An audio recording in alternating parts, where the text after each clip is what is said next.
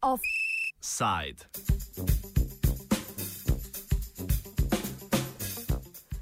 Evropski zunani ministri so še dodatno zaostrili sankcije proti Ruski federaciji.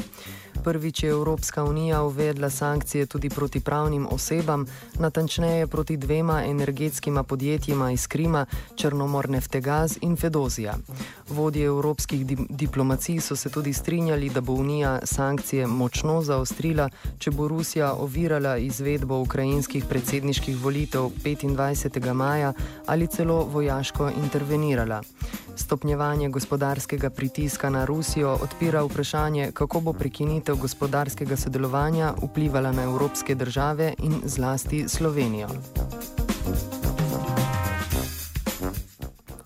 Ali so protiruske sankcije sploh učinkovite in kako bi lahko vplivali na slovensko gospodarstvo, smo povprašali Boštjana Udoviča, člana Centra za proučevanje mednarodnih odnosov na Fakulteti za družbene vede. Sankcije, ki so uvedene, so že verjetno delno tako uvedene, da lahko prizadene tako Evropsko unijo kot Slovenijo z tega vidika. Na drugi strani so gotovo pač imajo nek namen, da bi pač Rusiji dale prostor, da malo razmisli o tem, kaj, kaj se trenutno dogaja. Vprašanje, ki pa je, če so sankcije pravilno postavljene. Ne? Zdaj, če bi želeli zares sankcijami kaj doseči, potem bi verjetno mogli sankcije obrniti na kakšna druga področja, naprimer na delovanje Rusije na kakšnih finančnih trgih ali karkoli drugega. Sankcije kot take trenutno se mi zdijo bolj, bi rekel, človek instrument nekakšnega pritiska, ki podpira dejansko diplomatsko akcijo, ki jo Zahod vrši proti Rusiji oziroma in obratno Rusija proti Zahodu. Z vidika Slovenije, če me vprašate, je konkretno vprašanje, ki ga moramo zastaviti, kaj se to pomeni za slovenska podjetja. Če bodo sankcije uh, postale še širše, torej če se bodo razširile, potem bo gotovo to pomenilo manjši izvoz slovenskih podjetij in posledično lahko pomeni to tudi uh, drugo zgodbo in to je nazaj palec v recesijo, iz katere naj bi se, kako kaže, trenutni podatki delno že izkopali. Karel Rjavec, ki opravlja tekoče posle kot minister za zunanje zadeve, je napovedal, da se bo Slovenija poskušala izogniti zaostritvi gospodarskih sankcij proti Rusiji, saj izpad 1,6 milijarde evrov blagovne menjave med državama bi po njegovo pomenil 1,3 odstotno skrčenje BDP-ja, komentira Udovič. Minister Rjavec je povedal dejansko, da je to neka ocena. Ne? Jaz uh, dokumentov o tem nisem videl, to je bilo treba kakšne simulacije upraviti, kaj bi to lahko pomenilo. Uh, se je pa treba zavedati, da Ruska federacija za naša podjetja ni nepomemben trg. Ne? In to so predvsem izvozniki z visoko dodano vrednostjo in bi gotovo to udarilo njihov izvoz, kar bi pomenilo seveda tudi zmanjšano proizvodnjo, kar bi posledično pomenilo verjetno tudi zmanjšano zaposljivost oziroma zaposlenost in posledično seveda tudi pad uh, prodaje in konec koncev se to gotovo odrazi v zmanjšanju v recesiji.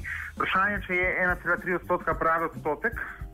Uh, jaz sem slišal več možnih kombinacij, ena je bila 0,5 druga je bila 0,8, tretja je bila še bolj kot 1,3, 1,4. Um, težko bi pa kaj rekel, ker nisem videl študij konkretno, tako da jih ne poznam, da bi pač imel te podatke.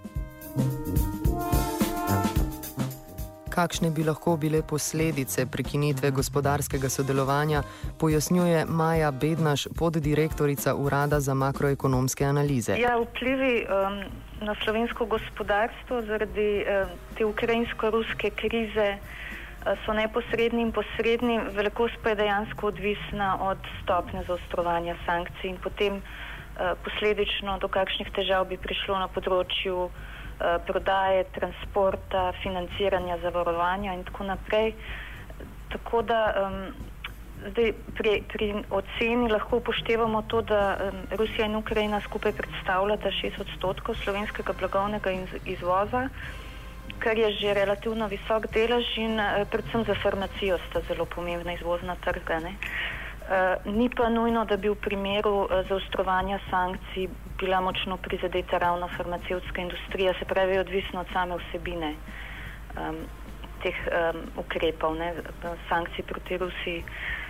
Potem na drugi strani je Rusija tudi pomembna dobavice, dobaviteljica plina, tako da tu bi tudi spet izpad, uh, morebitni izpad uh, dobave plina bi pač vplival na našo oskrbo, seveda ni pa Rusija edina dobaviteljica plina, ne? tako da nismo v celoti odvisni od, eh, od uvoza plina. Uvoz nafte je tako zanemrljiv, no, niti ne bi imel nekega večjega vpliva. Sprav to so ti neposredni vplivi, potem so pa še posredni vplivi, se pravi, kako bi pa to vplivalo na druge države v Evropski uniji, v katere mi izvažamo in če se pri njih poslabšajo razmere, je to seveda slabo za nas in bi se zmanjšal naš izvoz. Tako da zdaj kvantificirati je težko, uh, je pa možno, ne, da bi bila rast bruto domačega proizvoda v Sloveniji v primeru resne zaustritve sankcij, poslabšanja razmer nižja tudi za odstotno točko do odstotno točko in pol, morda celo dve. Drugače se na politične pritiske odziva Srbija, ki je tradicionalna zaveznica Moskve, ampak je tudi v procesu približevanja Evropski uniji.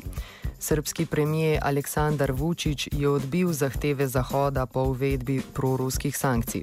Stališče Srbije komentira srpski politolog Zoran Stojiljkovič. Dovoljnu dozu političkog realizma i, i pragmatičnosti, jer jednostavno nesporno je da Srbija ukoliko želi da ostane dosledna i da nastavi taj put ka evropskim integracijama mora poći od osnovne premise da uvažava teritorijalni integritet svake zemlje uključiv naravno i Ukrajinu. S druge strane, logika pridruživanja sankcijama ove koje Evropska unija i Amerika prosto e, sugerišu, da ne kažem ciničnije, nameću drugim zemljama je egzistencijalno neprihvatljiva za Srbiju imajući u vidu stepen zavisnosti koja Srbija ima od energenata i od saradnje sa Rusijom i činjenice da je ona i za Zapad interesantni prostor za investiranje upravo zato što ima bezvižni režim trgovine sa Rusijom što bi naravno automatski bilo suspendovano ukoliko bi se Srbija pridružila ovoj vrsti sankcija i mislim da je to politika koja jednostavno je jedino održiva i moguće za sada dok nismo prišli korak bliže evropskim integracijama. Stojiljković tudi dvomi o učinkovitosti sankcij. Pa ako pogledate ovaj, čitavu tu stvar, sankcije se istorijski gledano uglavnom nisu potvrđivali kao efikasno oruđe, pogotovo kada oni koji ih primenjuju nemaju jedinstveni, jasan do kraja i koherentan interes, što se i ovoga puta vidi jer su jedan broj evropskih zemalja, pre svega one predvođene Nemačkom, zainteresovane da ta vrsta hladnih odnosa ne potraje dugo jer ugrožava uzajemne ekonomske interese. Prosto tamo gde ste dovoljno novca investirali i da imate i svoj interes, ove niste tako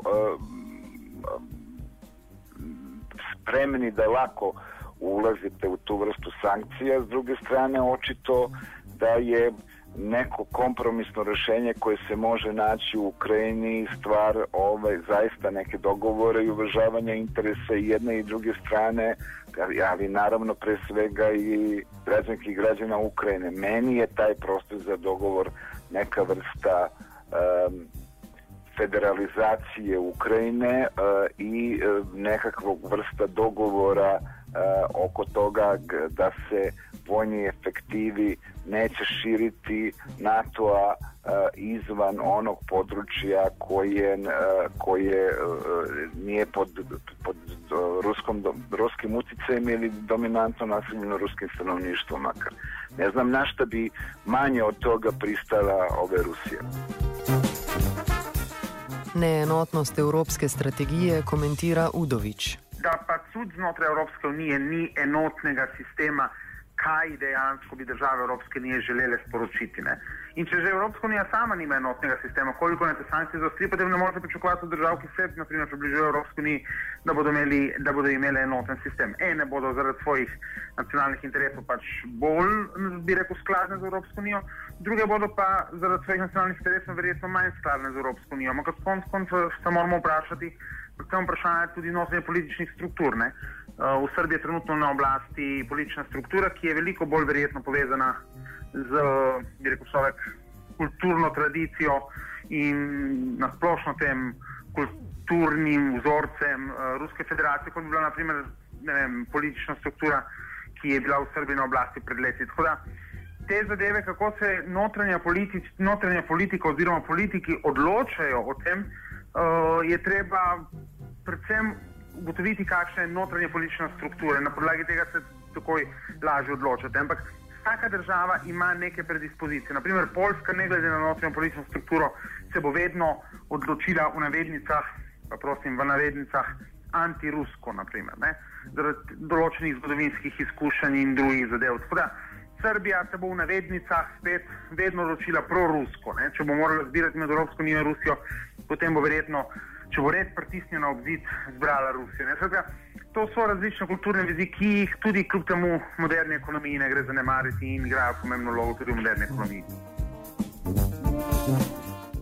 Stojilkovič nam slikovito opiše svoje videnje neenotnosti Unije in kako gleda na politične pritiske na države, da sprejmejo sankcije proti Rusiji. Mislim, da je ta vrsta, o, da je ta vrsta nametanja nekakvih rešenja i uključivanja onih kojim, kojima prosto to preuzimanje ili pridruživanje sankcijama nije isplativo govori o tome koliko je evropski koncept e, e, solidarne socijalne Evrope, ravnopravnih ove zemalja doveden u pitanje i koliko zaista ovim pokazuje se da Evropska unija otprilike, ajde da napravim pomalo ciničnu analogiju, kao neka vrsta kompozicije voza u kome idete napred, imate lokomotivu i nekoliko zagrejanih spavaćih kola, a iza toga je priključena kompozicija onih koji se ove mnogo ne pitaju i koji se ove moraju disciplinovati. I prosto je to nešto što govori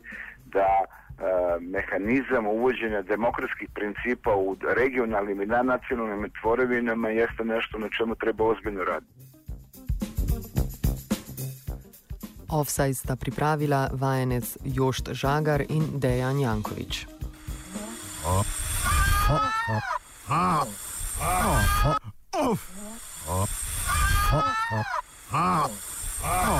Offside.